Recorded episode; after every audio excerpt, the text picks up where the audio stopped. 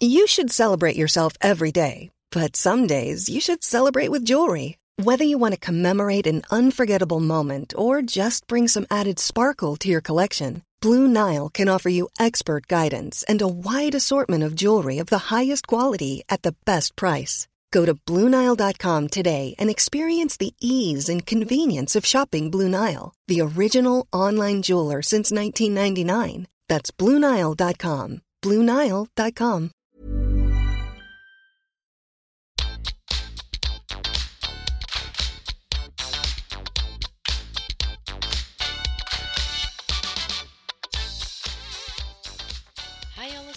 og velkommen tilbake til podkasten Karriereveiledning med Elaine. I ukes episode har jeg med meg en svært spennende gjest, nemlig Sonja Susnik. Sonja hun er grunnskolelærer og karriereveileder. Hun har jobbet på Karrieresenteret i Vestfold siden oppstarten i 2009. og Hun har bl.a. utviklet en modell og den modellen den handler om problemløsning i overgangsfaser.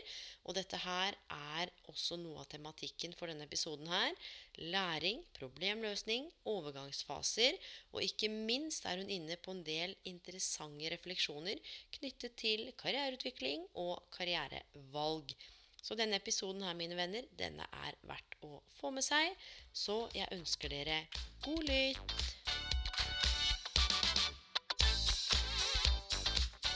Hallo, Sonja. Er du på linja? Hei, hei, her er jeg. Du, Så hyggelig at du har tatt deg tid til å være gjest i ukens episode. Det setter jeg veldig stor pris på. Tusen takk, og jeg er veldig glad for å bli spurt. Jeg syns jeg var veldig hyggelig. Du, og jeg måtte jo nesten bare spørre deg, fordi du har jo faktisk eh, Vi skal bli bedre kjent med deg, men du har jo skrevet bl.a. en avsluttende masteroppgave på eh, masteren i karriereveiledning, som vi skal komme litt tilbake til. Eh, og du jobber jo innen karriereveiledningsfagfeltet, og dette er vel første gang jeg på en måte har med meg en kollega da, som jobber i feltet og praktiserer. Så det syns jeg er veldig, veldig stas. Ja, det blir veldig bra, tror jeg. Så kan vi utveksle litt fag og prate litt rundt det. Ikke sant. Men gjestene, gjestene sier jeg, du er gjesten, men lytterne kjenner ikke nødvendigvis så altfor godt til deg. I hvert fall ikke alle sammen. Så jeg tenkte vi skulle starte med en sånn liten runde. Jeg. Sonja, husker du hva du ville, bli, du ville bli når du var liten? Ja, jeg har jo en sånn bok, bok av meg selv da, som mange har fra de var små. Og der står det på første side at jeg ville bli sykepleier.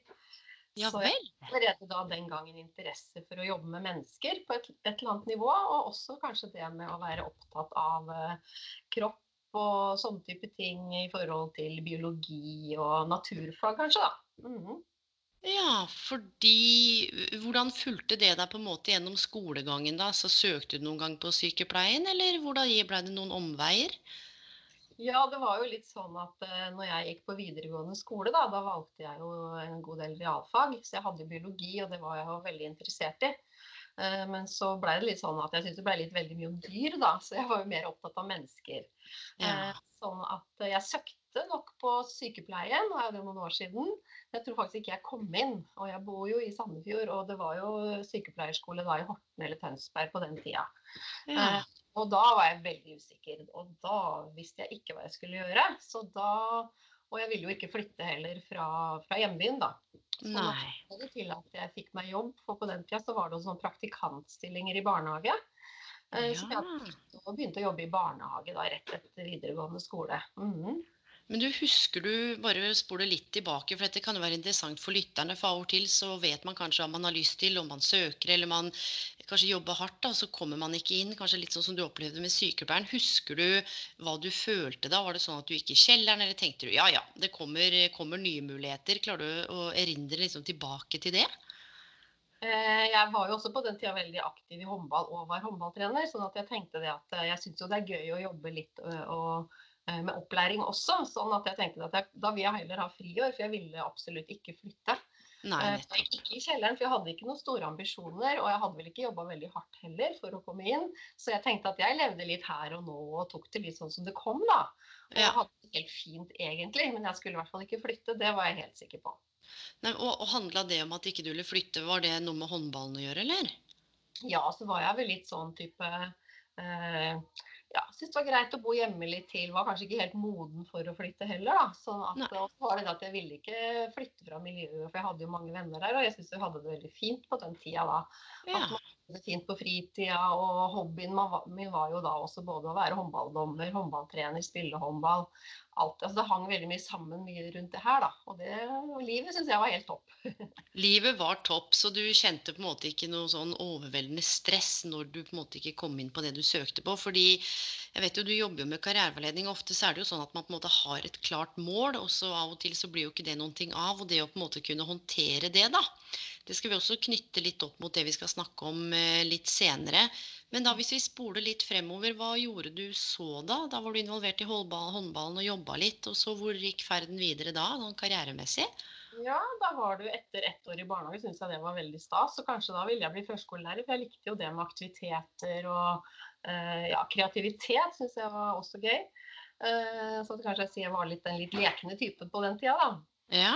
Og da så jobba jeg ett år til i barnehage, og da ville jeg ikke bli barnehagelærer. Og da følte jeg at det var litt sånn på en måte Jeg likte mer, fag, da. Så jeg tenkte at eh, ja, jeg vil kanskje begynne på lærerskolen. Og det var jo en Eik lærerskole var jo da i Tønsberg. Ah.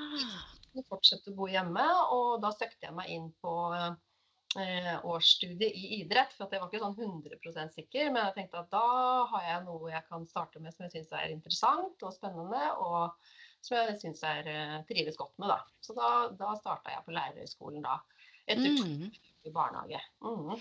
Og du, nå sa du noe viktig, sant? for du sa jo det at du, ikke, du var ikke 100% sikker. Og det tror jeg også veldig mange av lytterne kan kjenne seg igjen i. Det å skulle ta beslutninger eller stå ved et sånn karrierekorsvei når man er usikker. Mhm. Har du noen eh, refleksjoner, bare litt sånn, eh, bare hiver du ut, ja, om hva som kan være lurt å, å tenke på da? For det er mange som lytter nå, som jeg vet eh, står ved ulike karrierekorsveier, skal ta karrierevalg, og er usikre.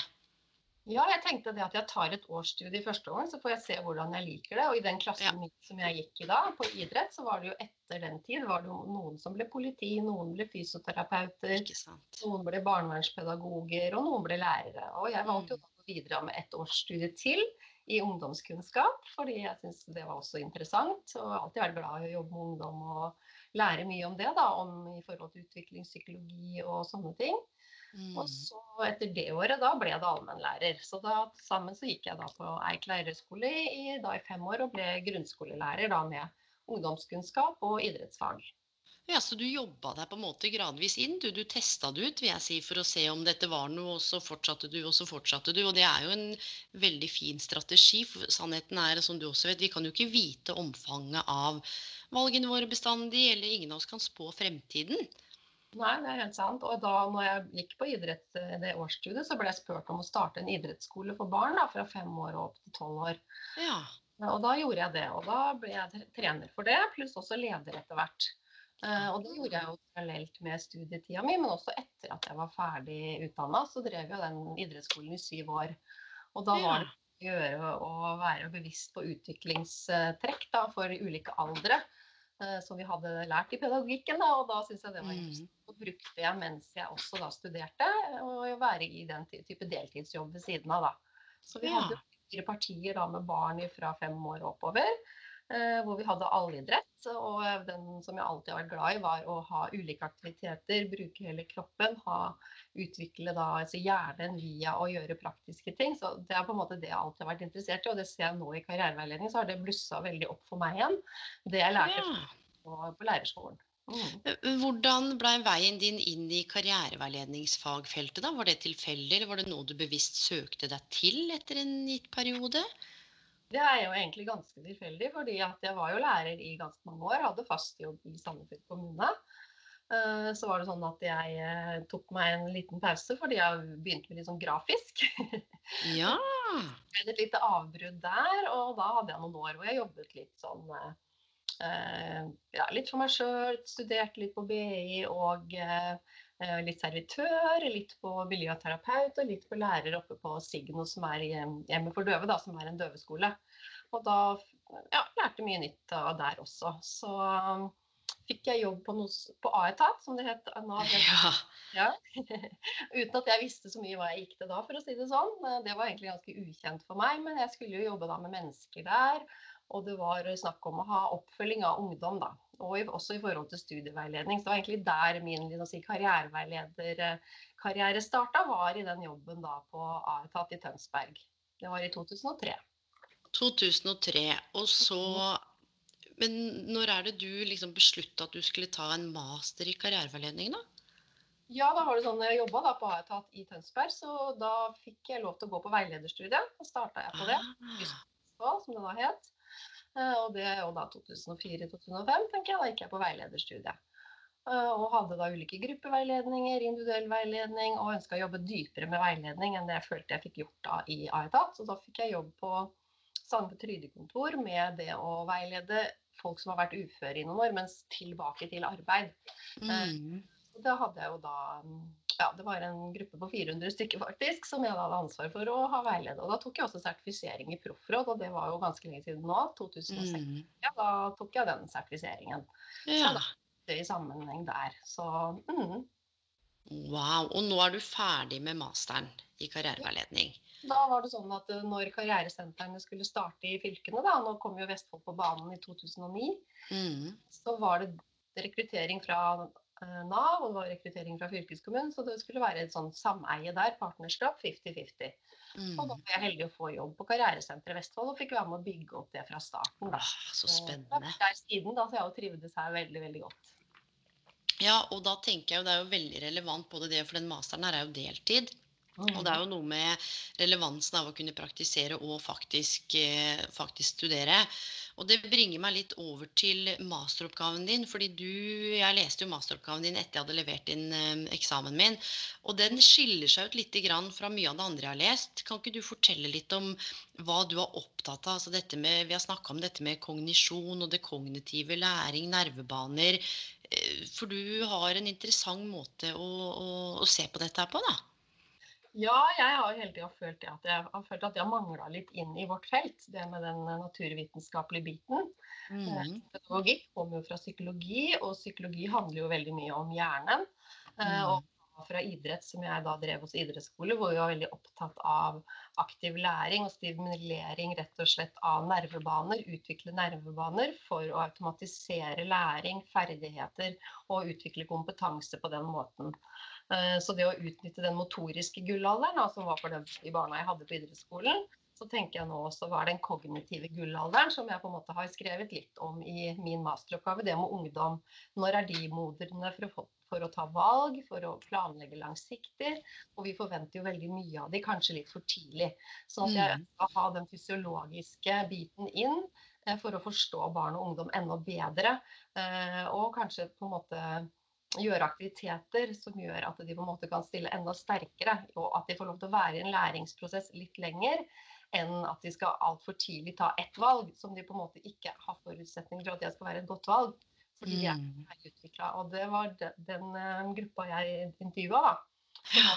Med studenter som har gått på videregående skole i Vestfold. Og alle mm. sa det samme. Jeg bestemte meg jo på ungdomsskolen at jeg skulle bli det og det. Men jeg forandra meg jo så mye i løpet av videregående Mm. Det ble helt feil. Jeg valgte noe helt annet, og det var altfor tidlig. Og det som var dumt med det, var at jeg var ikke interessert i å forske på andre ting. For jeg hadde jo bestemt meg, og jeg visste hva jeg ville. Ja. Det er jo den si, kognitive gullalderen. Da, at man må på en måte få lov til å bli ferdig utfylka før man skal på en måte ta ett valg. Man kan kanskje peile seg inn mot en bransje, visse fag man liker, velge et programområde. Men den der mm. også jeg skal bli lege eller jeg skal bli ja, noe annet. Det er altfor tidlig å si det på ungdomsskolen, tenker jeg. Noen får kanskje at det er bra for det, men man mister jo kanskje den interessen for å utforske. Ja, og jeg tenker at dette her er jo også overførbart til, til eldre enn både barn og unge også. Eh, I hvert fall spør du meg, da. Altså, det, selv om kanskje hjernen er litt mer ferdig utvikla jo eldre vi blir og man har livserfaring. Og, men så er det noe med igjen dette med valg, at mange opplever at de på en måte skal ta dette valget for livet og gifte seg med karrieren sin. Eh, og sannheten er at vi kommer jo sikkert til å ta mange valg og kanskje utdanne oss flere ganger. Og som du sier, man mister interesse for noe. Så på disse tider her så mister man jobben sin, og så må man på en måte rekalibrere og reorientere seg. Og det jeg syns er så spennende, at du har jo fokusert en del på dette med læring. Og det er et sånt begrep som jeg tenker for de som lytter. Dette med karrierelæring, har du noen tanker rundt det? Både, både for unge, men også for, eh, for, for, voksne, eller som er litt eldre, da. Hvor viktig det er i en sånn karrierevalgsprosess. Ja, og jeg tenker at læring er jo et begrep som ikke tilhører da bare karrierefeltet, men læring handler jo om pedagogikk. Og mm. Sånn at man må nødvendigvis ikke kalle det karrierelæring heller, men karriereutvikling. Og så lærer man jo, sånn som man gjør alt mulig annet også. Mm. Og jeg tenker det at jo mer man bruker alle sanser, jo mer varierte aktiviteter man deltar på, jo mer vil man jo utvikle da sine ferdigheter. Eh, og jeg har jo laget en modell om det her. eller Modellen ble jo som et resultat av oppgangen for å samle alle trådene og på en måte forstå hva jeg skriver om litt bedre. For at den visualiserer jo på en måte det jeg tenker, da. Mm. Eh, og da er det det med aktivitet. Aktivitet er jo en veldig god måte å lære på. Eh, det å gjøre ting. Mm. Holm skriver om i sin teori, de fire læringsstilene. Det med den eh, praktiske læringen, og så har du den teoretiske læringen, og kanskje det med den forskende, utforskende læringen, og så kanskje det med å følge en oppskriftlæring. Eh, ja, nå bruker jeg ikke de fagbegrepene på det, men uh, siden vi har mange ulike lyttere her. Mm. Men hvordan skal jeg vite om jeg er teoretisk sett at jeg er 18 eller jeg er 40, da, eller jeg er 50, og så lytter jeg. Og så vet jeg ikke om jeg er teoretisk eller praktisk, eller er, er det noen ting som gjør at jeg kan finne ut av det? For å på en måte tilrettelegge aktivitetene for å lære mer om meg selv og karriere og du vet, liv og verden, da. Eh, vi her på Karrieresenteret i Vestfold har jo en del sånn type kartleggingsverktøy hvor man kan ta en sånn kartlegging hvis man ikke klarer å finne ut av det via bare en samtale. For det, jeg tenker det er mye vi kan finne ut av, vi karriereveiledere, ved å på en måte kunne en del teori rundt det med mennesketyper og yrkestyper. Eh, men klart ganger så kanskje vi kommer litt til kort. da, At vi kan bruke noen type kartleggingsverktøy på det, eller utforskningsverktøy som de bruker i, kanskje i videregående skole da, for å finne ut av det sjøl. Eh, så det er mange måter å kartlegge det på, tenker jeg. Og få et bevisst forhold til det. Men uansett så tenker jeg det er viktig å ha variert undervisning. Og det er selvfølgelig lettere det å ha praktisk læring i praktisk-estetiske fag. Mm. Eh, kanskje er i norsk, da. Men på en måte jeg tenker de teorifaga har veldig mye å lære av de praktisk-estetiske fagene. Eh, og så handler det jo veldig mye om eh, målgruppe, rammer man har, hvor mye tid man har, eh, hvilken læringstype man velger, da. Men det å bare mm. ha den enveiskommunikasjonen ut og sitte og lytte og bare bruke ørene, eller sånn veldig nå bare bruke øynene f.eks., da, det med at vi skal mm. bruke de her brillene, så er på en måte det veldig si litt fattig, da, for min del. For jeg tenker alle sanser, jo mer, flere sanser du tar i bruk, jo bedre er det. Ja, og jeg tror du er inne på noe viktig nå, bl.a. dette også med innlæringsstrategier. Sant? Hvordan vi lærer best. Og det å på en måte få selvinnsikt til å, å, å kunne forstå det også, både om man er ung eh, eller voksen. da. Mm. Det er ganske sentralt, fordi jeg har jo opplevd, og sikkert som du, at eh, vi har knett koden på en del innlæringsstrategier, eller som du sier at man er utforskende eller mer teoretisk, og så plutselig så løsner det i måten man reflekterer rundt aktiviteter eller lager seg en handlingsplan, eller rett og slett samler informasjon da, og går ut og tester. Um, og det tenker jeg er ganske sentralt for mange som lytter. Men er det noe, som du sa Hvis, det, hvis man på en måte ikke er i besittelse av noe, noe verktøy nå, da, eller vil til en karriereveileder med det første, men bare er nysgjerrig på egne innlæringsstrategier eller eh, hvordan man på en måte lærer best, er det noe annet man kan gjøre, tenker du, bortsett fra en test? Kan man ja, se tilbake? Har du noen sånne konkrete råd ja, eller tips? Eh, som hun Agnete Ellingsen også skriver i den boka si om karrieredesign. da. Eh, mm.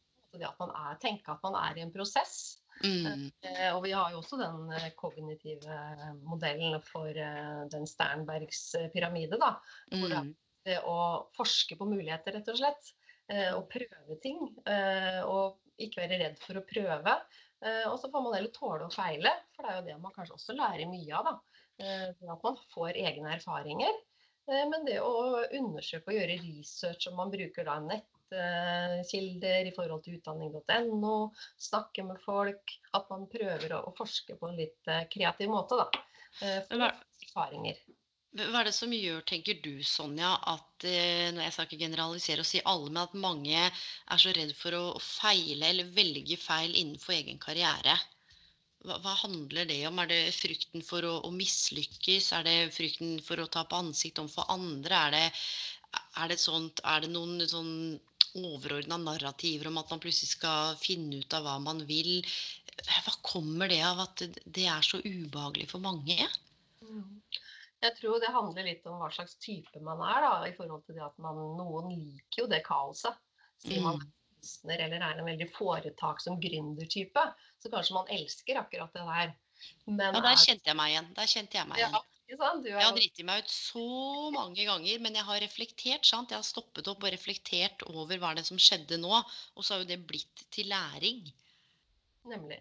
Og så tenker jeg, Er man kanskje en mer sånn type eh, trygghetssøkende, liker veldig struktur, forutsigbarhet, mm. så kanskje man syns det er helt forferdelig, da. Da ønsker man å ha trygghet og, og planlegge og ha en liste og få, få et svar nesten før man har prøvd. Man liker ikke den utforskende biten. Man liker mer kanskje å følge en oppskrift. da. Mm. Eh, som på en måte andre kan kanskje støtte deg litt i prosessen. Og kanskje heller ta noen små små skritt enn de store skrittene. Så, så, det handler nok en god del om mennesketyper, og det er også sånn vi kan bidra til. Og, og når vi driver med kartlegging, det er i forhold til at folk skal se seg sjøl kanskje enda litt tydeligere. For at mange har mm. ønske om å være en type person, mens kanskje noen ganger så finner vi faktisk ut at det, du er jo kanskje ikke helt der. Kanskje ikke det er riktig for deg likevel, selv om du ønsker det. Og det er ikke alltid like lett å oppdage det på egen hånd, da. Men man trenger, derfor trenger man veiledning. fordi da kan man se seg sjøl på en litt annen måte enn man kanskje klarer å se selv, da. Sånn så vi har jo den Neopir da, som vi er sertifisert for, noen av oss. Mm. Da blir det jo kartlagt på 30 personlighetstrekk. Og der er det mange som får noen aha-opplevelser. For de har jo selv svart på disse spørsmåla, men de har ikke alltid da sett hele bildet. Og det er 240 spørsmål. Man klarer ikke å systematisere det ved bare å prate. Nei, ikke sant. Sånn type, vi kan si det kunstig intelligens da, til å hjelpe oss med å se seg sjøl ved å stille såpass mange spørsmål som blir satt i et system så vil man på en måte kunne se seg selv og få enda større selvinnsikt. da. Ja, og jeg tenker Nå er du inne på noe som er viktig, for veldig ofte så hører jeg sånn Å, man må ut av komfortsonen, og det er der det skjer. Og så tenker jeg det som er viktig, da, som jeg tenker kan understreke litt av det vi snakker om, at komfortsonen til folk er forskjellig. Mm. Basert på du vet, erfaring, oppvekst, altså alt vi snakker om nå, personlighetstrekk, personlighetstyper, hvor man kommer fra, narrativ, så alle disse tingene, hva du går og tror om deg selv, selvfølelse, selvtillit. At min komfortsone er kanskje ulik din, og det å på en måte romme det å vite at ok, jeg er akkurat den jeg er nå, eh, og jeg trenger disse små skrittene. Det holder for meg, mens eh, person B er den den er akkurat nå, og trenger å kive seg rundt og kaste seg ut i kaoset. Mm. Og dette å kjenne til litt grann, hvem er jeg, hva kan jeg, hva vil jeg, hva er det som er riktig og viktig for meg? Det er jo det jeg også ønsker med den samtalen her og det kloke hodet ditt, men også den podkasten. At jeg har i hvert fall ingen klokkeklar oppskrift på hvordan folk skal ta disse valgene eller leve livene sine eller finne ut av karrieren sin. Dette er noe som man finner ut av også etter hvert. Det er jo en læringsprosess stort sett hele livet, det her. Mm. Og det var det også jeg oppdaga litt og var litt nysgjerrig på når jeg valgte mitt tema i masteroppgaven. Det var jo det fordi at jeg kjenner jo da ungdommer som på en måte var veldig veldig skoleflinke. Men mm. allikevel og hadde alle muligheter til å søke på toppstudier, men syntes det var kjempevanskelig. da. Eh, fordi at den emosjonelle utviklingen var overhodet ikke kommet like langt. Eh, og det var vanskelig. Og da tenkte jeg liksom hm, disse flinke elevene trenger jo også veldig mye veiledning, for de har jo veldig mye å velge i, faktisk. Mm. Eh, men de er kanskje ikke helt modne. Og det å pushe da, eh, si at alle skal rett fra videregående over i utdanning, eh, det støtter jo ikke jeg. fordi jeg tenker at folk må velge sitt tempo, som du sier. Noen er jo veldig klare for det, mens andre trenger mer tid. For å finne ut av hva de passer til, og kanskje få forske litt mer. Mm. Utvikle seg enda litt mer. Ja, så her er det ikke noe fasitsvar. Folk er jo veldig forskjellige. Ja, og det tenker jeg er så viktig å si. Så er det jo ikke sånn at alle skal ut i høyere utdanning heller. Nei, overhodet ikke. Og det er Nei. sin egen plass, da, også at det er godt nok. Ja. For det er jo ikke noe som er noe bedre enn noe annet, men for deg så er det bra nok, og for en annen så er det noe annet helt bra nok. Og det skrev jeg jo litt om i en artikkel jeg skrev om her også tidligere. Mm. Eh, en jente som jeg hadde veiledning med, som uh, valgte da eh, og starte på medisinstudiet, fordi hun hadde alltid vært best. Men hun reflekterte ikke noe mer over hvorfor hun skulle bli lege, enn det at hun skulle gå på noe som ga status. Men hun måtte Mm. bryte etter to år, fordi at det var jo ikke henne. Eh, Det var andre utfordringer som gjorde at det ikke fungerte. Eh, Mm. nødvendigvis bare at det var helt feilvalg. For det var jo, hun var glad i mange av fagene der, men eh, hun var ikke moden nok rett og slett sånn type emosjonelt.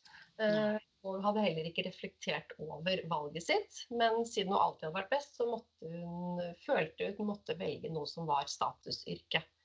Eh, og Mm. jeg også veldig mye med det. Ja, som hun sier til meg, hva er egentlig bra nok for meg, da? Jeg som alltid har vært best. Så sier jeg ja, men kanskje du må velge noe og tenke litt annerledes når du skal velge nå. For hva trives du med egentlig?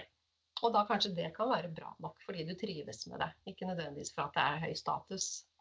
Ja, og nå er du inne på noe veldig interessant. For jeg hadde jo Anders Dysvik, eh, av doktorgrad, vet du. Han er jo, eh, jobber jo på BI, head of BI, holdt jeg på å si.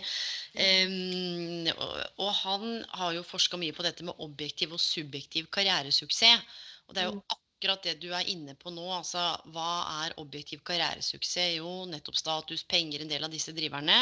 Kontra dette med subjektiv karrieresuksess. Det å finne noe som har mening, et sted du trives, noe du er interessert i. Um, og så er det noe med å klare å navigere i den verden med, med en kombinasjon kanskje av objektiv og subjektiv karrieresuksess. da. Mm, mm. Og som du Ja, sa, litt sånn litt tid å finne ut av, rett og slett. Og det er kanskje ikke blir stimulert like mye i, å, og, i videregående, da, fordi at man er veldig opptatt av fag, og det har jo blitt utrolig jag på karakterer mm, på, på studier, uansett hvilket nivå nesten. mm, Det blir jo veldig sånn eh, fokus på å jobbe og jobbe, og kanskje ikke får tid til å reflektere egentlig hvem er jeg, da. I stor grad. ikke sant. Og så er det jo det å reflektere er jo også en, en egen kunst, vil jeg si. Det er jo Mm. kanskje ikke noe noen kan lære deg, men, men det kommer jo kanskje litt med, med årene også. Men det, det du er inne på nå, det tenker jeg er så sentralt for foreldre som har unge voksne, og eh, for unge voksne selv, men også litt for den, for den eldre garde. da. Altså, hva er det jeg Hvor er det jeg velger fra? Mm, mm. Det er et sånt eh, ikke sant? Velger man fra det objektive eller subjektive en kombinasjon, og hvem er det på en måte Og dette vet jo du og vi har jo studert eh, det samme, men alle disse tingene som influerer oss kontinuerlig i hverdagen. Mm. Ja, det er jo veldig sammensatt. Og så er det Mm. selvfølgelig mange rammer rundt deg da, som gjør at du har eh, mange muligheter eller få muligheter. Så, så det er jo også veldig ulikt. da. Så alle har jo ikke de samme mulighetene. Det er veldig ulike rammer. Så, Ja, også- Si litt mer om det, for det er det ikke Kan ikke du si litt mer om hva du tenker på der, Sonja? Ja, jeg tenker sånn som vi i Vestfold, da, eller nå er det Vestfold Telemark. Her er Ja. det et eh, arbeidsmarked som det ligner jo ikke helt på Oslo, f.eks. Mm. Så hvis man ikke vil flytte, man vil bli boende, så tenker jeg at da er jo det også en faktor som gjør, bør styre litt i forhold til valget ditt. da. Og som Mm. at alle mulighetene ikke er til stede i like stor grad hvis man bor i Oslo f.eks. Mm. Så det går jo, kommer veldig an på din egen mobilitet. da. Ja. Eh, I modellen min så har jeg da tre hovedbolker, og den ene går jo på utfordringer. Og det kan jo handle litt om rammer, egentlig Mm. løse disse utfordringene, da, som på en måte eh, Ja, og da er- gjelder det å forske, rett og slett, på dine muligheter ut fra dine rammer. Så jeg tenker jo det at karriereutvikling handler jo da om, i stor grad om læring gjennom hele livet. Men også det å få god veiledning akkurat i en overgang, som det står i. Mm. Men også det å kunne da mm, takle utfordringene, da. Ved å løse de problemene for å få muligheter. Så når du får løst opp i utfordringene, så vil kanskje mulighetene dukke opp enda klarere. Eller da klarer du å sette i gang med de mulighetene du har. Ja, og nå er du inne på noe interessant, for nå sa du et ord som jeg er langt over snittet opptatt av, og du òg tydeligvis, og det er dette med overganger. Eh, og jeg har gjort en episode på det, og jeg var og underviste postdocs og, og ph.d.-er på Universitetet i Oslo. Faktisk angående det et tema her i forhold til dette med å stå i overganger. Og dette er jo fantastiske mennesker som er høyt, høyt utdanna. Og etterpå så var det en som kom bort, og så så hun på meg, hun hadde tårer i øynene. har jeg fått lov til å dele historien, da. Og så sa hun, vet du hva, nå, nå, nå skjønner jeg det. Nå skjønner jeg hvorfor jeg har følt som jeg har følt. Skjønner du? Hun, hun sa at jeg trodde jeg var deprimert, eller at det var noe galt med meg. Eller, men jeg har bare vært i den ene fasen i, i overgangsprosessen hvor jeg bare har ikke klart å gi slipp. For det hadde skjedd en endring da hos henne. Eh, og det å på en måte være klar over at man befinner seg i en endring som gjør noe med de psykologiske livsvilkårene dine. Mm. Det tenker jeg er ganske sentralt. Altså, og spesielt nå med koronaen, hvor mange det ikke har blitt permittert, er usikre, mister jobben, må snu seg rundt, må reorientere og redefinere seg. Og det å vite at det er ikke noe galt med deg, alle følelser er til for å føles, men nå er du plutselig en overgang. Mm. Eh, og det er jo det som er med de ufrivillige overgangene, da, som er det mest krevende. Fordi at da er det jo ikke du selv som har valgt at her skal det skje en endring, men du er styrt av noen ytre faktorer. Mm. Å miste jobben, f.eks. Mm. Eh, eller at du skal over i høyere utdanning før du egentlig er klar for det. Mm. Eh, da er det jo det som jeg skrev også i min oppgave, var jo om endringskurven, som opprinnelig stammer jo fra psykiater Elisabeth Küber-Ross. Eh, som har forska på det med reaksjon til pårørende av eh, folk som døde. da. Mm. Og grunnfølelse man har da, i forhold til, og i de forskjellige fasene. Det med å være i sjokk, det med å fornekte. Det må være mm. sint og frustrert og kanskje være deprimert. Yes. Så man da er klar for å, å, utforske nye muligheter og komme over i en ny fase. Men så er det sånn at du, noen elsker jo det her, her at kanskje ja, nå har jeg en ny mulighet. At man går mm. ikke ned i den, de tyngste eh, og tunge følelsene. Man er på en måte hele tida eh, ja, en oppovergående kurve, mens på en måte er det ufrivillig, det er mange problemer, det er mange utfordringer, så vil man kanskje bli både frustrert og sint og lei seg og litt deprimert. Men da er det om å gjøre å komme fortest mulig opp kanskje av den og begynne å forske på muligheter. Fordi da løfter man seg litt. Ikke bli for lenge i det, det vanskelige. Heller prøve å komme videre, hvis det er mulighet for det. Men hvordan skal man komme seg ut av det, da? For det er dette her som er hele kjernen, ikke sant? Fordi det er jo lett å, å si noen ganger, men hva, hva konkret er det, er det, jeg kan gjøre, noen som lytter, som kanskje nå har mista jobben, blitt permittert, de må snu seg rundt. Hvordan skal man komme litt ut av det sorte hullet, da, uten å på en måte For jeg tenker at det er viktig at det bearbeides. Mm. Sånn at det ikke dras med over i de andre fasene og andre prosessene. Og det syns på en måte når det kommer et jobbintervju at du på en måte er fanga i den historien om at du mista jobben, eller um, hva, hva, gjør vi da, Sonja? Ja, og da tenker jeg det er jo her vi karriereveiledere er kanskje gull verdt. da, fordi at vi kan jo hjelpe folk til at det her er normale følelser. At, det bare, mm. at man vet at veldig mange har det sånn, og det er helt normalt. Eh, og Men det å få begynne å, å, ta tak i nye muligheter og prøve å Kanskje man har ikke Man har kanskje litt sånn type eh, er ikke så kreativ, eller man på en måte har vært så lenge i en bransje at man på en måte ikke har helt fulgt med i det som er på utsida. Fordi man har ikke hatt behov for det. Og da trenger man kanskje litt hjelp til å komme i gang med å forske på muligheter. Og da er det veldig lurt å få en samtale rundt det, tenker jeg. Eh, mm. og selv da å få noen tips for å jobbe videre med det og forske på muligheter. Men også er det noe kompetanse å ta en, kanskje en form for gapanalyse. Hva har mm. jeg, hva kan jeg? Eh, de nye mulighetene jeg er interessert i. Er det noen andre krav der enn før? Kan, mangler jeg noe kompetanse? Bør jeg ta kanskje noen nye digitale kurs for å være helt på topp da, i forhold til å kunne søke på den nye jobben jeg er interessert i? Så her er mm. det kanskje en blanding av å finne muligheter, gjøre litt gapanalyse, eh, ta mm. og gjøre noen tiltak i forhold til Og nå har man jo de koronamidlene som har kommet. Eh, mm måte er lyst ut. Og flere, både fagskolene har åpna for nytt innsøk. Yes. Studieplasser. Og det er jo bransjekurs også som blir lagt ut nå. Vi har delt det på Karrieresenterets nettside. Uh, og ja. der er det bare å gå inn og kikke, Men man må jo ha dialog med Nav da, hvis man har dagpenger og sånne ting. Så da må man jo på en måte kanskje ta Er det noen kurs her som er åpne nå, som jeg kan få plass på og bruke dagpengene mine til? Sånn at jeg står litt sterkere. Ja, og det her er så viktig å si, for dette er verken reklame for meg eller deg. Jeg har jo mer enn nok å gjøre, og, og, du jobber jo der du jobber. Men det er også en oppfordring til alle som lytter.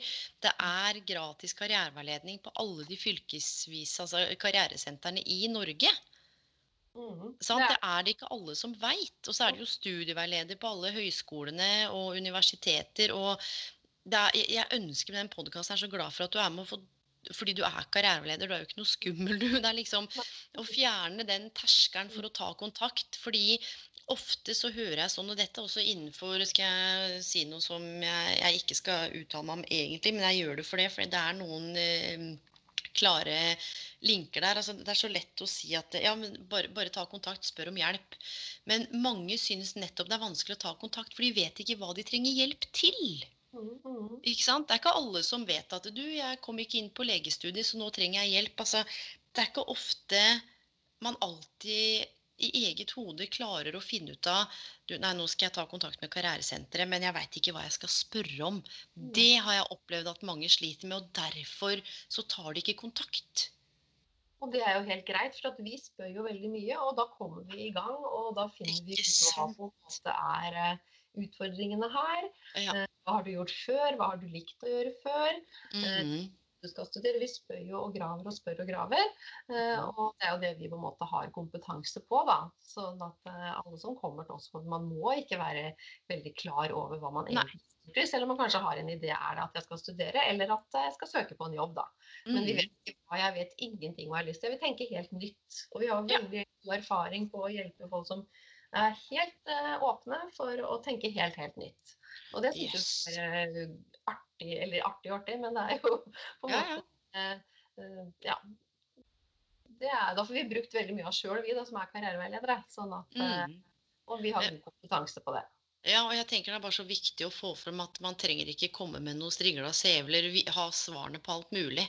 Det er nettopp det, og særlig for folk som lytter nå i den tiden her, altså ta kontakt. Nå er det jo både digitalt, og man har vel kanskje åpna opp for besøk igjen nå også, men det er i hvert fall en gyllen mulighet til å kunne fått satt ting litt i system, fått noen å snakke med. fordi som du sa, når man er litt nedi det mørket, da, så er det ikke alltid så lett å komme seg opp eh, selv, og det å kunne ha noen å spare med som ser noen andre perspektiver.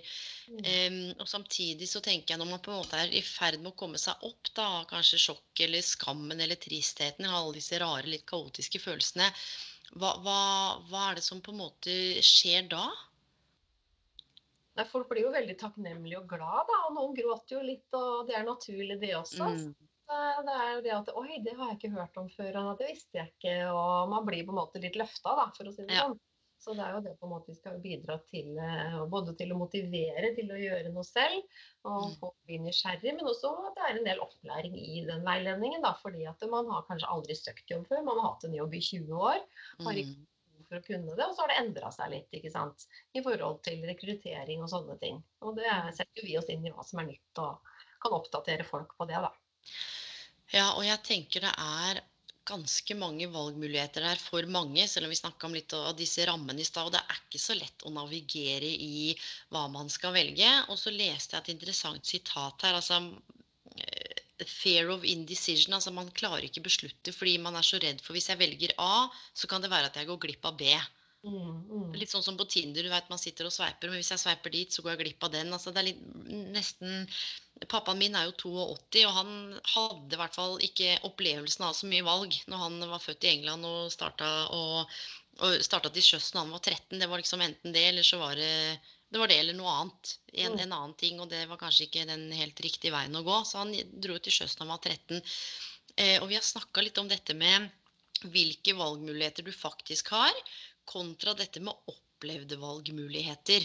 Mm, mm. For jeg og du vi kan jo tenke at Per eller Mohammed eller Birte har, kan velge dette og dette, men ofte så opplever jeg et gap mellom hva jeg ser, eller hva du kanskje ser da, med karriereveiledningsbriller, og hva faktisk det mennesket som sitter overfor oss selv opplever at de har av valg. Har du vært borti det før? Ja, det er jo veldig mange som eh, tenker veldig si, lavt om seg selv, og så er det noen som Mm. tenker høyt om seg selv. Eh, Så er det på en måte å realitetsorientere litt da, i forhold til at jo faktisk du er jo altså, Bryte det litt ned, da. Det kan ofte hjelpe at folk ser nye muligheter ved å gjøre litt research på ja, hvilke oppgaver har de gjort, og bryte det ned, og ikke, og ikke undervurdere seg sjøl. Og det Mm. lært gjennom livet, da, all realkompetansen folk har Ikke sant? synliggjøre realkompetansen. For jeg sier at det, det er jo ikke alle som er så opptatt av hvordan du har lært akkurat det og det, men det at du kan det, det er jo det folk er opptatt av. Så det du ikke har papirer på, det må du i hvert fall synliggjøre, og hva, hva slags person du er. Det er også Mm. kjempeviktig å synliggjøre alle de tre tingene, da. Åh, nå er du inne på noe som er så viktig, for det er også det jeg opplever noen ganger. Eh, rett og slett. Og det er, jeg har møtt så mange eh, Sonja, som har tatt seg av eh, eldre foreldre, eller som har reist og Mm. snakker flere språk, eller som har jobbet i store multikulturelle organisasjoner. Altså, det er så mye som jeg tror folk av og til glemmer at de er, og at de kan. Mm. Annet enn en utdannelse eller en stillingsinstruks eller karakterer. Og så er det jo sånn at eh, man vil jo gjerne på en eller annen tidspunkt altså ansette det hele mennesket. Mm. Altså litt hele pakka, det å klare å få fram litt av disse både myke egenskapene, men også som du sier, klare å, å få satt ord på alt det du har gjort som du ikke kan dokumentere. Mm. Nei, så det å bruke tid på i det mylderet, da, og på en måte Mm. få fram på en måte alle sider ved en person. Eh, vi bruker jo gjerne blanke ark, tomme maler, prøver å være kreative. Prøve at folk skal på en måte tenke litt praktisk. Hva har du gjort?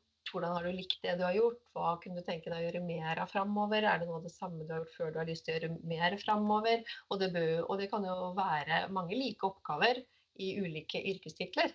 Men at man Mm. likevel gjør ganske mye av det samme, selv om man har en ulik tittel, da. Mm.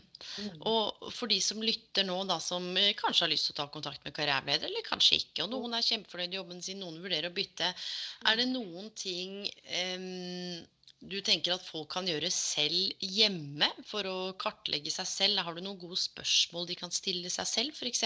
Eller ja, kan de ta et blankt ark på egen hånd? Har du rett og slett noen sånne gode hjemmeoppgaver? Ja, jeg tenker at det er eh, Vi bruker noe som heter et givskjema. da, på en måte Hva er du god til? Mm. Hva er du interessert i? Eh, Hvilke verdier har du? Mm. Det er, det er jo en måte å begynne å kartlegge da, i det små.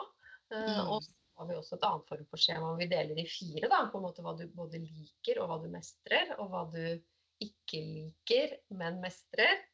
Og hva du da ikke mestrer, men liker. Og da ikke liker og ikke mestrer. Altså Man kan plassere litt ting man har gjort før, inn i et sånn type kartleggingsskjema. Og så vil man jo gjerne gå videre da, selvfølgelig med det man både liker og mestrer. Eh, Så det, det er jo Mm. å begynne å tenke og bruke litt skjemaer. Og det er jo mange nettressurser. På hjemmesiden vår så ligger det masse nettressurser. Eh, og vi har jo på en måte hva slags personlighetstype er jeg, kan man jo sjekke litt ut. Så det er jo noen gratis type versjoner der ute av kartlegging Mm. Forhold til eh, hva slags yrkestype er jeg. Men også Mm. å kartlegge sånn som jeg anbefaler folk til å ha, ha den appen som heter Indeed, da. Som er en sånn Yes. portal. Og det, jeg bruker den my veldig mye bare for å finne ut av titler og sånn, da. Mm. gøy å se bare å skrive et stikkord, og så får man opp masse titler som eh, sier ungdom, da. Skriv ungdom. Og så kommer det opp mange titler som handler om å jobbe med ungdom. Og da får Mm. man ide- ideer, og så bør man jo da se på ja, hva er kompetansekravet her? Hva er personlige egenskaper her? Hva er realkompetansen her? Og så på en måte kanskje man føler at det matcher litt med seg selv, da. Så søker man på den jobben. Det var et godt tips å laste ned appen Indeed. Yes. I-N-D-E-E-D. Ja, i to e-er. Indeed. Ja. I- in- I-N-D-E-E-D. Indeed. Det Mm. er kjempe, kjempesmart. Og det er også indeed.com, hvor du kan gå og finne jobber. Den kan du også åpne i Chrome eller Safari eller ja, Windows. Ja, så trenger man ikke å legge inn CV, man kan bare drive og prøve å finne noen titler, eller finne type eh, bransjer eller eh, arbeidsområder, ikke sant. Og så Mm. finner man en god del stillinger, for den, den filtrerer jo både fra Finn og fra Nav og bedrifter Mm. og kommunesider og ja, finner veldig mye, da. Men tenker du at de som enten er permittert nå eller er usikre på om de ønsker å være i jobben sin, bør de laste opp CV-en sin på Nav og Finn og Indeed og på bemanningsbyråer? Ja, det tenker jeg. Så er jo litt ulikt da hvilken bransje man skal inn i. Hva som Mm. i LinkedIn-profil er jo bra for en god del bransjer. Men Mm. nødvendigvis kanskje ikke for en som skal være helsefagarbeider. At jeg tror ikke det er så utbredt, og man blir kanskje ikke headhuntet akkurat uh, i den bransjen, inn i LinkedIn f.eks. Så, så det kan være litt bransjeavhengig, men uh, ja. Og da er det jo en god del nettressurser på, på sånne ting også. Men uh, ja. Og i hvert fall rekrutteringsbransjen har jo veldig mange jobber. Eh, så i hvert fall i visse bransjer. Ja, og jeg tenker det er lurt. Jeg pleier å, å si det og sammenligne litt, selv om det høres jo litt flåst ut. Men det å, å få seg en ny jobb er, er litt som eh, Lotto, holdt jeg på å si. Du må liksom fylle, ut, eh, fylle inn kupongen og levere. Eh, og folk må liksom vite at du fins. Mm. For det å søke jobb er jo ikke sant? Det er jo si 200-400 søkere i bunken da, som jeg eller du, hvis vi skulle rekruttert, skal få til å bli en, ja, mellom 5 og 15, og så skal man gå videre. Har du noen gode refleksjoner rundt CV og søknad f.eks. til de som er i jobbsøkerprosess nå, i forhold til man har kanskje vært nedbemanna eller ikke har jobba? For det er det mange spør meg om. der, så bare tar jeg det opp med deg. Hva, hva, for da blir det på en måte et hull i CV-en, selv om ikke jeg liker det uttrykket. Men nå har man kanskje ikke jobba, for man mista jobben i forbindelse med korona. Det tar tid å finne jobb. Skal man skrive det, da? Mistet jobben i forbindelse med korona? Eller tenker du at det er lurt å fylle ut litt mer hva man har brukt tida si til? Det kan jo være lurt, da. Å vise at man har vært aktiv og vært aktiv ja. Jobbsøker. Det kan være jobbsøker. Så, men det er nok litt delte meninger om det. Mm. Så, ja, rekruttererne mener nok litt ulik om det også ja. og ulike bransjer, men at, folk, man, man, er ærlig på en måte. Det er jo naturlig at folk har vært permittert. Jeg at Det er jo ikke noe å skamme seg over det. Nettopp. Og det er litt det jeg vil frem til òg, for jeg får mange akkurat det. ikke sant? Gå på Nav, kjenne på skam, ute av arbeid for første gang på lenge. Livet skjer, da. Vi vet jo det, vi med, med noen av disse teoriene, bl.a. Chaos Theory of Careers og John Crumbles med Unplanned Happenstance. altså Livet er usikkert og kaotisk og komplekst, og, og, det vil bestå av endringer og overganger. Og det er jo ikke alt vi kan kontrollere, så det er noe man kanskje lærer seg å leve litt med den uforutsigbarheten også, da. Mm. Og for noen så, så, er det mer utfordrende enn andre. Yes. Da. En sånn anbudsverden da, som det kanskje har blitt mye nå, og da er det ja. kanskje fort å dette litt ut òg. Det er mm. vanskeligere å være hele tida inne. Så på en måte man skal jo jobbe mot utenforskap. Men som jeg sier, da må jo innenforskapet kanskje være litt sterkere. Du, jeg så du hadde lagt ut et lite sitat nede på LinkedIn. Holdt på dette stolen. Altså, det traff meg midt i ja. sjela. Jeg er jo så snittet opptatt av både sosial rettferdighet og, og med utenforskap. Og jeg skrev en oppgave om det for en liten stund tilbake. Kan ikke du si litt mer om, eh, om akkurat eh, dette med utenforskap altså, og det med innenforskap, det du sa akkurat nå? Noen litt utdypende tanker rundt det, for jeg likte det så godt. Mm. Nei, kan du si, Vi er jo eid av Nav, og der er det veldig mange som har vært utenfor lenge. Både pga. helse, men sosiale ting også. Mm. Men man detter ut, er jo fordi at man kanskje alltid er i veldig løse forbindelser. Da. At det er veldig mye sånn type vikariater, og det er veldig yes. vanskelig å etablere seg, særlig for unge, i, i, i eh, jobb. da. Fordi at innenforskapet, jeg mener det, da, at det er litt kanskje blitt litt mm, svekka i forhold til før, hvor det var tryggere jobber, det var fastere stillinger. Eh, og det var mindre av den anbudskulturen. Da. Så jeg, jeg, tror at det er jo en årsak til at det er mer utenforskap. Er at nettopp innenforskapet har blitt eh, eh, mindre. Ja. Mm. Jeg, jeg kan, eh, det støtter jeg. Og jeg snakket med Anders Dysvik om det. Jeg tror det var i 2015, hvis jeg husker riktig. Så åpna de opp for midlertidige ansettelser i mye større grad. Og det har jeg opplevd. Jeg har vært i jobba med karriereveiledning siden 2011-2012. Har gradvis sett en enorm økning i korte vikariater og midlertidige stillinger. Ja. Uten tvil. Og så på en måte har du kanskje huslån og andre ting, og så veit du ikke helt Er det tre måneder, blir det seks måneder? Altså hva, hva er det som skjer, da? Den usikkerheten som du sier, og som ikke Noen elsker det, noen syns det er fryktelig ubehagelig. Jeg ser jo det folk som kommer til oss, da, folk blir veldig slitne av det over tid. Det er greit kanskje et år eller to når du er ung, men så går det til du er i ti år, da. Og så mm. fortsatt så er det på det samme. Folk blir veldig slitne av det, og da blir folk rett og slett syke av det. Og man får seg ikke mm. lån, man får seg ikke bolig, bo hjemme hos foreldrene når du er 30 år. Hvem syns det er ålreit, ikke sant? Mm, mm. Det er en god del ringvirkninger, den uh, kulturen der, da. Mm, jeg er helt, helt enig. Dette er et viktig tema. Det tror jeg jeg faktisk skal løfte fram i en, i en annen episode. Men du, litt, litt, sånn tilbake til masteroppgaven din. og Er det noe du kjenner på en måte, de som lytter, da, og litt dette med overganger, og du sa nervebaner, og er det noe annet du har lyst til å få fram eller dele som du tenker kan være relevant for eh, inkludert meg, og, og få større kjennskap til, som du på en måte kjenner at du ønsker å formidle? Mm. Eh, ja, jeg hadde på en måte en litt tredelt oppgave. da. Den ene var jo det i forhold til hva mente mine studenter som jeg intervjuet, da, om hva de fikk av tilbud i videregående skole. Eh, og det er jo som sagt, det går jo på ressurser, da. Eh, sånn at de hadde håpa å egentlig å få lære mye mer. Men at det skulle være obligatorisk. At alle trenger veiledning i videregående skole. Fordi at det er som du sier i stad, det er jo de som på en måte ikke vet hva de skal spørre om. De kommer jo ikke og spør. Men det er jo de som vet nesten hva de skal velge, de kommer jo og har noen spørsmål om det de skal studere. Mens de som har I know nothing, eh, de kommer jo ikke. Og det er jo de som trenger mest hjelp. Så det er det å ha obligatorisk veiledning, og det som de også sa, de studentene i intervjuet, gjerne bruk eh, interesseverktøy, sånne type ting. fordi at eh, de lærer jo av det, på en måte, men de også lærer å reflektere rundt mer hvem de er. Og det er litt mer satt i system da, enn at man klarer å gjøre det på egen hånd. Så det vil vi mm. gjerne ha mer av. Uh, og mer aktiviteter, uh, men også på en måte at vi bygger litt på hverandre. At man kan, bør ikke tenke så uh, konkret på ett yrke i første klasse, for det er for tidlig. Det sa de alle sammen. Men mm et programområde eller en bransje. Da. Og så går man etter hvert og har flere ressurspersoner inn, hvor, kan, hvor, de kommer og forteller om det og det yrket. Mange flere yrker. Så ingeniør, Det er mange mange forskjellige ingeniøryrker. Eh, men man vet jo ikke om det, for man har kanskje bare hørt ingeniør, da.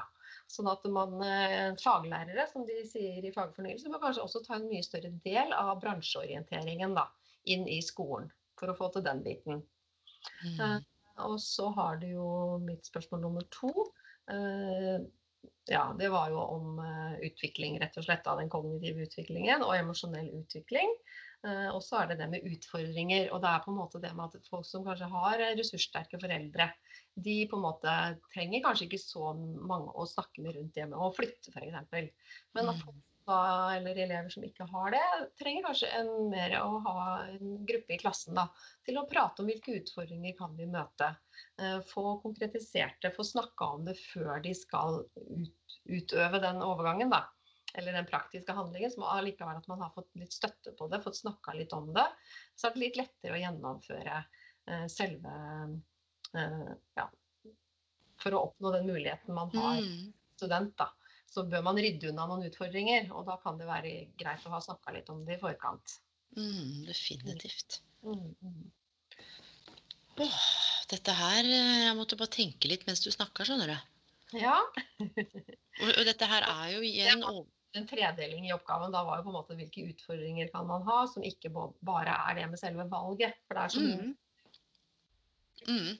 Men der, der, sa du det. For jeg tror ofte så tenker man å nå skal jeg ta et valg, skal jeg bytte jobb, skal jeg bli, hva skal jeg gjøre, hva skal stå på CV-en. Men det er også alle de omstendighetene og de små mm. tingene og store tingene rundt. Um, og det husker jeg, for jeg jobbet jo tett med Nav i mange år. Og da var det en som ja, vi sier, han har, har jeg fått lov til å dele. Han har vært sånn i tiltaksloopen. Du vet, inn og ut av Nav og kurs og frem og tilbake. Og dette er ikke noe kritikk av Nav eller noen ting. Men du vet, han var ikke mentalt klar for å få seg jobb, fordi det var en del andre ting som måtte ryddes unna først. Mm. Sant? Økonomisk situasjon, bosituasjon, relasjoner. Det var noe sykdom. Så liksom, av og til må man gå litt tilbake og se ok, hva er det jeg kan ta tak i og kontrollere. Hva er det jeg ikke kan gjøre i det hele tatt, og, og, hvordan kan jeg navigere i dette her, da. Mm. mm. Sant? Og så tror jeg, i hvert fall sånn som jeg opplever det, at eh, det er så sentralt, ja, å oppsøke støtte og hjelp og, og spare, men også dette med å stole på seg selv og tørre å orientere seg innover. Ja, og det er jo det den livsmestringen som skal inn i skolen nå, handler om yes. å, å, lære å leve, rett og slett. da. Eh, men det er jo parallelle prosesser, tenker jeg, da, det med å jobbe med muligheter. Eh, og valget som veldig mange kommer til oss for å få hjelp til. Eh, mm man jo parallelt, om det er mange utfordringer, også jobbe med det, selvfølgelig. For ellers så klarer man jo ikke å uh, få de mulighetene som man egentlig har. Man må kanskje uh, få unna noen utfordringer først. Mm.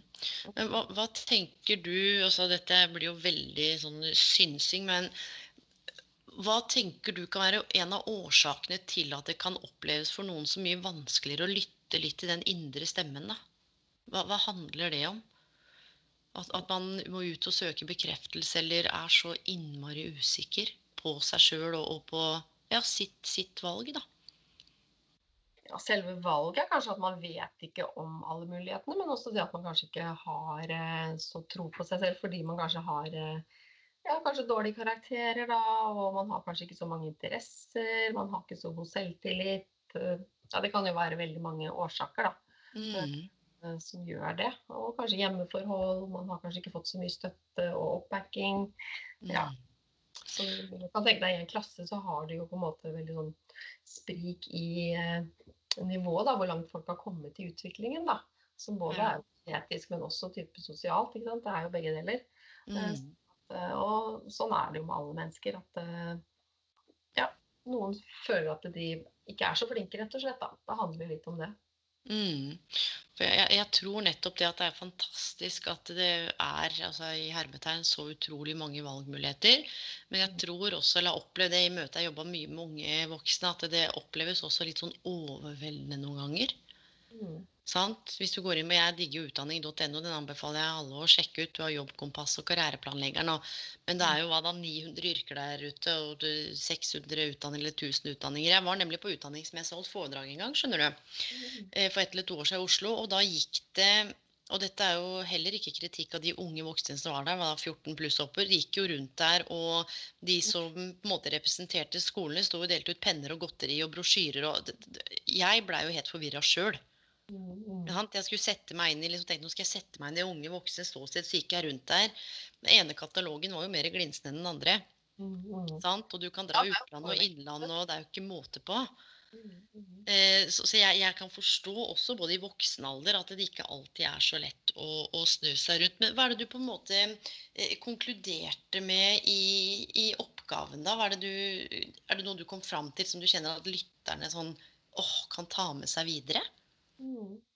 Eh, ja, det handla veldig mye om da overgang fra elev til student. sånn at det de sa, var at ikke bestem deg for tidlig for et yrke, for da mister du interessen for å utforske andre muligheter. Ja. Og de var også veldig på det at alle trenger veiledning, sånn at det skal, bør være obligatorisk å ha karriereveiledning flere ganger i løpet av videregående skole, da, men på forskjellige typer temaer, da, eventuelt. Mm. Mm. Uh, og også det med i forhold til at det er mange andre utfordringer enn selve valget som mange trenger støtte på, eller ha noen å prate med om det. Og forberede seg på det, selv om man ikke kan løse selve si å flytte da, før du skal gjøre det, men du kan si forberede deg litt på det. Uh, ja. Så nei, det er jo mange funn i oppgaven min, så den ligger jo også ute, så man kan gå og lese på den. Og det er også en artikkel på Veilederforum om der vi har samla litt sånn Eh, funn. Da. Mm. Mm. Det å gjøre mange ulike aktiviteter da, eh, for å lære i skole er jo kjempeviktig, og det vet jo de som jobber der. Eh, så handler det jo om ressurser også, selvfølgelig. Så, så er det noe med de rammene som er i systemene vi mennesker er i også. Definitivt. Og, og igjen så vil jeg jo trekke en parallell til, til den voksne verden også. At eh, sett at man har mistet jobben eller er nedbemannet eller kanskje vurderer å bytte, som du sa, kanskje ikke låse seg på én retning, men heller da eh, ta på seg detektivdrakta og, og kanskje utforske litt, snakke med folk, eh, samle informasjon. Gå og banke på hos noen uh, som driver en advokatpraksis i det. Altså oppsøke noen å snakke med. Mm, mm. Eller en karriereveileder. Og samtidig så er jeg veldig opptatt av dette hvis jeg sitter i veiledning, at jeg er jo bare ett subjektivt menneske. Mm. Og jeg eier ikke noe sannhet, jeg. Sånn at eh, det er jo noe med det at eh, jeg kan aldri fortelle noen hva de ikke skal gjøre eller gjøre, fordi eh, jeg vet jo ikke omfanget av det, og det er jo bare én persons mening. Så man har jo litt makt òg, som karriereveileder, vil du ikke si det? Jo. Og så tenker jeg at kanskje da i skolen, da, sånn som jeg var på et besøk på Skagerrak, det er sånn internasjonal skole i Sandefjord. Eh, de hadde en karrieredag hvor de hadde invitert inn 20 voksne personer som var i ulike jobber. Som mm. presenterte seg i en sånn i auditoriet da, for alle elevene på skolen, hvor alle fortalte sin karrierehistorie. Og så ble vi jo etter eh, alle hadde gjort det, så ble vi delt inn i litt mindre klasserom eh, med ulike klasser. Og hvor vi var kanskje si ti eller fem til ti eh, av oss voksne som da fikk da en god del spørsmål rundt hvorfor vi valgte det vi hadde gjort, og hvordan vi tenkte hva vi kunne gi av tips til dem. da. Og sånn er jo en fin, fin måte for Fantastisk. Ja, det var et veldig flott arrangement. da. Og de hadde jo da god bredde i oss som var der av oss rollemodellene. Mm. hvor de mm. lærte veldig mye, tenker jeg. da, For de fikk stille spørsmål og fikk høre mange historier. Wow, det var et fantastisk initiativ. Ja, og da var det, det var jo utrolig gøy å høre på, syns jeg sjøl også, som satt der. For du hadde jo leger, og du hadde en som drev med diamanter, liksom. Ja. Så andre har hørt om det før, ikke sant. Så det var veldig artig. Ja, men nå sa du noe ekstremt viktig, fordi jeg snakket med en som sa til meg han sa sånn Elaine, du har jobbet med karriereveiledning i åtte år. Når har du noen gang veiledet noen til å bli foliemontør? Ikke sant. Og så blei jeg helt stille, og med hånda på hjertet sa jeg det tror jeg aldri har gjort. Og det er jo ikke det at jeg ikke veit at det eksisterer, men du vet, det ligger ikke top of mind.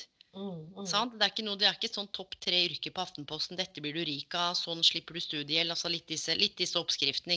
Dette bør du velge for å få et godt liv, og du vet det er mye rart der ute. Så dette med foliemontør eller jobbe med diamanter eller ja, en del sånne yrker som man kanskje ikke tenker over som fins, da. Ja. F.eks. heismontør, hvem tenker på det? Ikke Ja, sant? ja, Det er men nettopp. masse yrker som på en måte vi glemmer, da. Ja, og det er så viktig, og derfor så er en del av disse karriereverktøyene bra også. Noen av de har jo bilder inkludert, sånn at man Å ja, stemmer det, det var ett yrke, og det var én mulighet. Å ja, det var én utdanning. For jeg tror man har lett også av og til som veileder å lupe litt det man veit. Mm. Det som er kjent for en, kanskje samme eh, alderstrinn man veileder. At det, det kan være lett noen ganger. Så, så jeg tipper karriereledere, eller tipper, jeg mener karriereledere har jo mye har jo mye makt i rollen sin, og et ord kan jo, har jo stor effekt på folk. Ja, og man klarer jo heller ikke å ramse opp 50 yrker på rad, så jeg er jo veldig glad i den eh, boka som er fra Proffroll, som jeg fikk når jeg ble sertifisert for det. For der er det av yrker som er systematisert. Eh, og da hender det at hvis vi er på idémyldring da, og så klarer vi ikke å komme på et hav av yrker bare, bare sånn tatt fra eget hode, da, da er det jo veldig bra å ha en sånn bok å bla i da, for å få ideer. Og da er man i den utforskningsfasen. Og så kan man jo jobbe seg litt ned på alle de sier man får 20 ideer, da, så kanskje man kanskje ikke går for alle de, selvfølgelig. Men da kan man forske litt på de, og så stryke fra lista si. Og så går man videre på noen få. Så det er, sånn man, det er veldig bra å ha sånne type hjelpemidler, da. Ja, og det er jo et konkret tips nå til dere som lytter. Ikke sant? Det går an å bruke Google utdanning.no, plukke seg ut 10-15 yrker, samle vennegjengen. Hva tror dere hadde passa til, hva er jeg interessert i? Og rett og slett eh, liste opp en hel del. Og som du sier, etter hvert eh, da redusere og redusere og redusere. Og så kanskje rett og slett eh, snakke med noen, innhente informasjon, da. Mm. Jeg har også den modellen jeg har laga som heter 'Modell for problemløsning i overgangsfaser'. Da er det løsningsmetoder, da, og det å finne fakta. Det å ha noen for- og motskjemaer, det å da etter hvert eliminere. eh. Og tenke hvorfor du velger sånn som du gjør. Og da har du også det med både eget press og følt press. Ja. Og er det noen som alltid velger minst motstand, eller velger de kanskje for mye motstand? Så det er mange sånne type ting som man kan eh, tenke litt på da, når man er i en sånn type prosess. da. Ja, og nå, nå slo det meg, for når du sier dette her med, med lite og mye motstand, så tenker jeg automatisk på mestring. Mm. Sant? Noe mestringsmotivasjon, mestringsstrategier. Noen jeg har opplevd, i hvert fall i veiledning, har valgt liksom eh, ikke minste motstandsvei, men det stikk motsatte. Nettopp fordi at da kan man si nei, men du det gikk ikke allikevel, dette var jo altfor voldsomt. Nettopp for da slipper man å ta stilling til å gi det et ekte forsøk, da. Mm, mm. Og så er det noen som har rett og slett bare liker sport og butikk og velger sportsbutikk, og så er det Og så funker det. Så jeg tror igjen da dette med skjemaene og det du sa nå, det, det handler om å sette av tid til å bli litt bedre kjent med seg sjøl, og kanskje gjøre det sammen med andre også. Mm. Og særlig det med minst motstand, da, som eh, diskuterer jo det med noen, da, hvis de liker modellen min eller ikke. Da. Det er litt forskjellig når jeg bruker den. Ja, Eh, hvert fall for de som syns det er veldig oversiktlig, og da skjønner de mer av prosessen. Så, så diskuterer vi jo flere alternativer, da, ikke sant. For et yrke eller en utdanning. Og så, sa jeg men hva tror du du på sikt blir mest fornøyd med? For, for det er noe der vi jo helst slipper å ta kanskje den sixpacken for å komme inn på høyskole, da. Mm. Har eh, videregående fra før, da. Altså, men hva tror du du blir mest fornøyd med om ti år? da? Er det det å velge noe som er veldig lettvint og greit nå, eller er det det å ta litt mer motstand? Og få de til å reflektere litt rundt det. Og da er det faktisk flere som sier ja, jeg har kanskje litt tendens til å velge minst motstand, men det er som du sier, jeg tror kanskje jeg blir mer fornøyd hvis jeg velger det litt tyngre vei nå. Mm. Mm. Så er det jo helt det motsatte, da. Ja. Du, dette her er så spennende. Vi kunne ha snakka i mange timer til, som jeg pleier å si. Men du vet vi har snakka over en time nå, Sonja. Skjønner du? Time flies when you're having a great conversation. Um, så sånn avslutningsvis, da vi må nesten runde av så ikke lytterne blir helt sånn svette i øra. Eh, Jeg får heller lage en, lage en del to. Har du noe du vil dele helt mot slutten? Noen gode karrieretips, karriereråd eller et eller annet som du kjenner at du på en måte ikke har fått fram, som du har lyst til å få fram nå mot slutten? Ja, jeg tenker det at uh, man må på en måte bruke litt tid på å forske på muligheter, tenker jeg. Uh, for å se muligheter. Uh, og man trenger ikke å forte seg alltid, men eh, eh, ja, bruke litt tid, eh, snakke med folk, tenker jeg. Hvis du har låst deg litt fast, da, så tenker jeg det er utrolig viktig at man får noen å prate med. Ikke gå og bli, gi opp, da, for å si det sånn, men kom og snakk med noen som kan hjelpe deg litt videre. Og vi har mange som sier at det kanskje ikke kom helt i mål, men vi kom et skritt videre. Og da er det greit. Og så kanskje man kommer et enda et skritt videre neste gang der igjen. Så man må bruke litt tid, være litt tålmodig, for ting tar tid. Og jeg har også møtt en del de her som er vant til å være i faste jobber, hatt det mm. veldig greit. De har ofte litt eh, eh, kort eh, tidslinje da, på å føle at eh, de må fort i jobb. Og så sier de at det tar litt tid. Eh, de er ikke vant til å være i, uten arbeid, så du må være litt tålmodig, da. Og være litt tålmodig, kanskje, kan jo være viktig når man skal inn i prosesser. For det tar tid å, å gå fra en jobb til en annen, da. Hvis man ikke da blir headhuntet, selvfølgelig. Mm. Tusen takk, Sonja, for at du eh, valgte å være gjest. Det satte jeg kjempestor pris på. Jeg har blitt litt klokere, altså. Ja, og takk i like måte. Jeg syns det også har vært kjempeinteressant og veldig hyggelig å bli spurt om å bli med. Du, så stas. Vi snakkes, så får du ha det godt så lenge. Ja, ha det godt.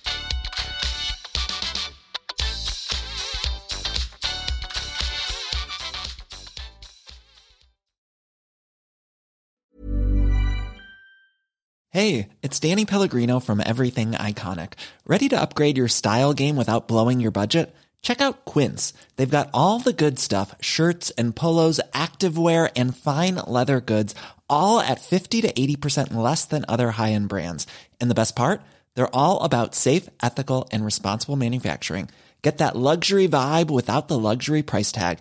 Hit up quince.com slash upgrade for free shipping and 365-day returns on your next order. That's quince.com slash upgrade. Hold up. What was that? Boring. No flavor. That was as bad as those leftovers you ate all week. Kiki Palmer here, and it's time to say hello to something fresh and guilt-free. Hello Fresh. Jazz up dinner with pecan-crusted chicken or garlic butter shrimp scampi. Now that's music to my mouth. Hello Fresh. Let's get this dinner party started. Discover all the delicious possibilities at hellofresh.com.